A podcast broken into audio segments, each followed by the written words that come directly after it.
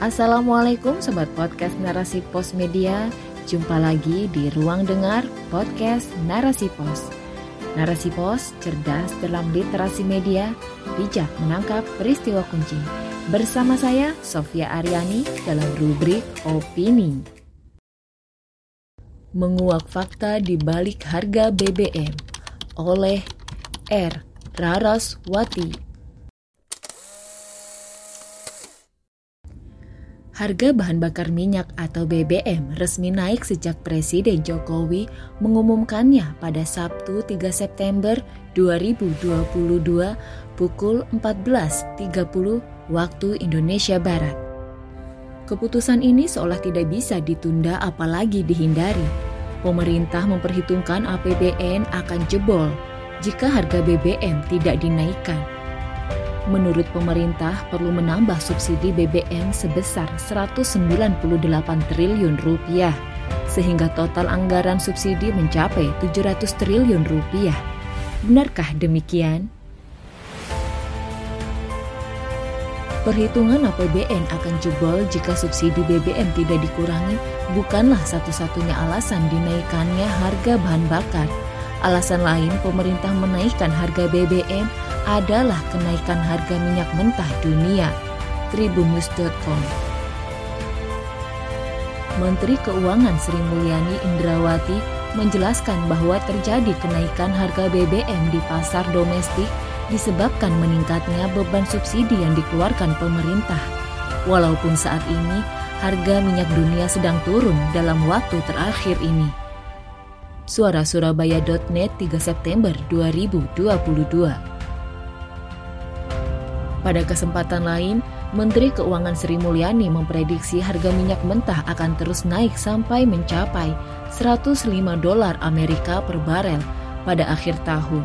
CNBC Indonesia 29 Agustus 2022.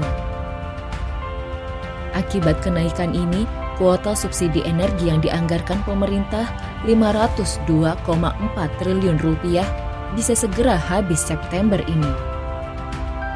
Selain alasan tersebut, nilai tukar rupiah yang terus melemah terhadap dolar Amerika, yaitu satu dolar Amerika setara dengan 14.700 rupiah, turut mendorong pemerintah menaikkan harga BBM. Kenaikan nilai tukar rupiah ternyata lebih tinggi dari asumsi pemerintah sebesar 14.450 rupiah. Dari alasan tersebut di atas, Lalu benarkah APBN akan jebol karena memberi subsidi BBM? Memang benar APBN akan jebol, tapi bukan karena besarnya subsidi BBM. Kemungkinan kesalahan pemerintah dalam membelanjakan pendapatan negara untuk keperluan yang tidak terlalu penting. Red IKN baru juga menjadi faktor jebolnya APBN.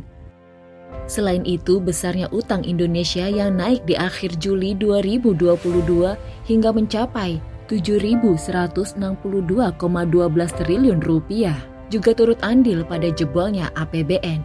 Kompas.com 15 Agustus 2022 Efek domino Kenaikan harga BBM pasti memiliki pengaruh terhadap segala hal.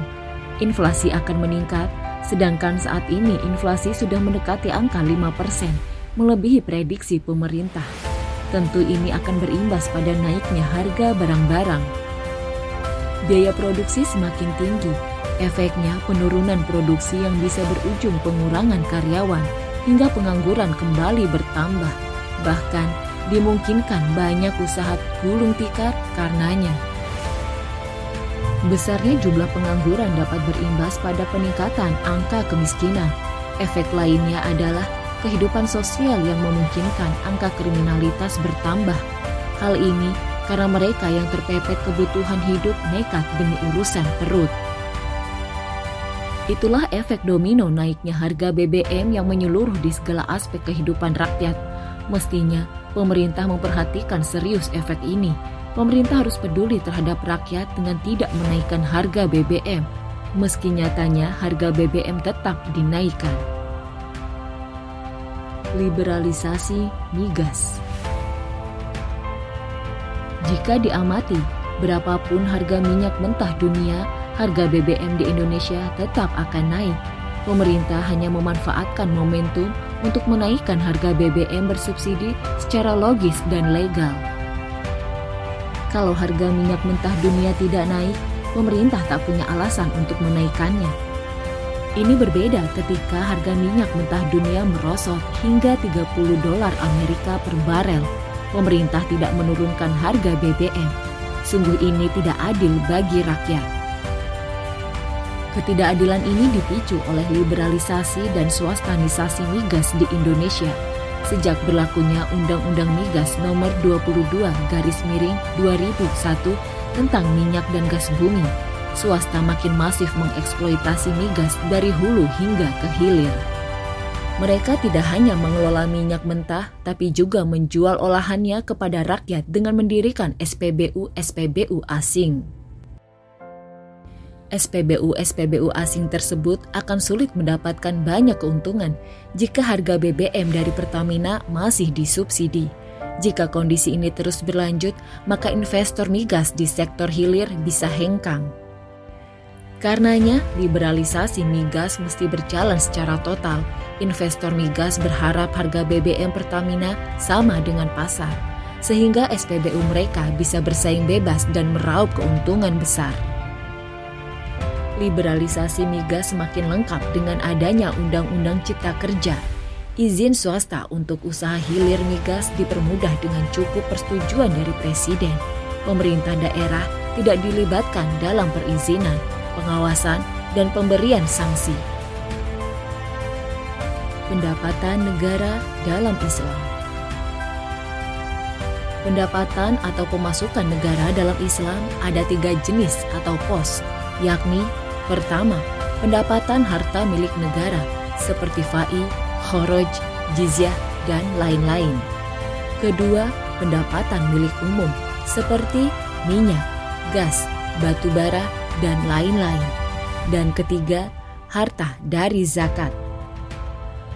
Masing-masing pos akan dikelola dan didistribusikan sesuai sumbernya. Kebutuhan negara akan diambil dari harta milik negara. Kebutuhan masyarakat umum akan diambil dari harta kepemilikan umum. Sedangkan pos zakat hanya diperuntukkan kepada delapan asnaf yang telah tercantum dalam Al-Quran, Surat At-Taubah ayat 60 adanya konsep kepemilikan yang menempatkan tambang, migas, dan lain-lain dengan deposit besar dalam kepemilikan umum, sebagaimana terdapat dalam hadis yang artinya kaum muslim berserikat dalam tiga perkara, yaitu padang rumput, air, dan api.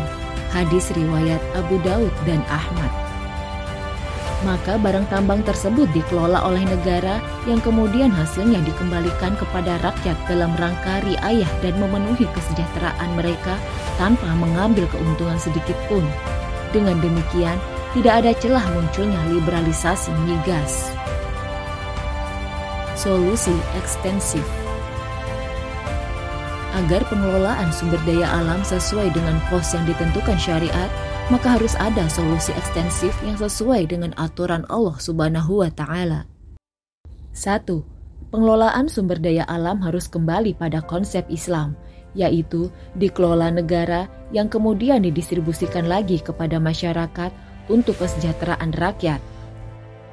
2. Penataan APBN harus sesuai dengan kebutuhan dan diambil dari pendapatan negara. Maka, satu cara untuk mewujudkan BBM murah adalah dengan menerapkan sistem ekonomi Islam di bawah naungan khilafah. Dengan konsep kepemilikan yang menempatkan tambang migas dengan deposit besar sebagai milik umum yang dikelola negara untuk rakyat, terwujudlah kesejahteraan rakyat. Tidak ada kesempatan bagi liberalisasi migas di sektor hulu maupun hilir. Harga BBM yang dijual pada rakyat hanya sesuai biaya produksinya, bukan mengacu pada harga pasar dunia. Ketika kebutuhan BBM rakyat terpenuhi dengan harga yang terjangkau, kegiatan ekonomi rakyat dan dunia usaha berjalan dengan baik. Kesejahteraan pun terwujud. Begitulah pengaturan migas yang adil dalam daulah khilafah. Jadi, mari tinggalkan sistem yang zalim dan batil ini menuju sistem yang adil sebagaimana sabda Rasulullah Shallallahu Alaihi Wasallam. Jauhilah kezaliman, karena kezaliman adalah kegelapan pada hari kiamat. Hadis riwayat Bukhari nomor 2447, Muslim nomor 2578.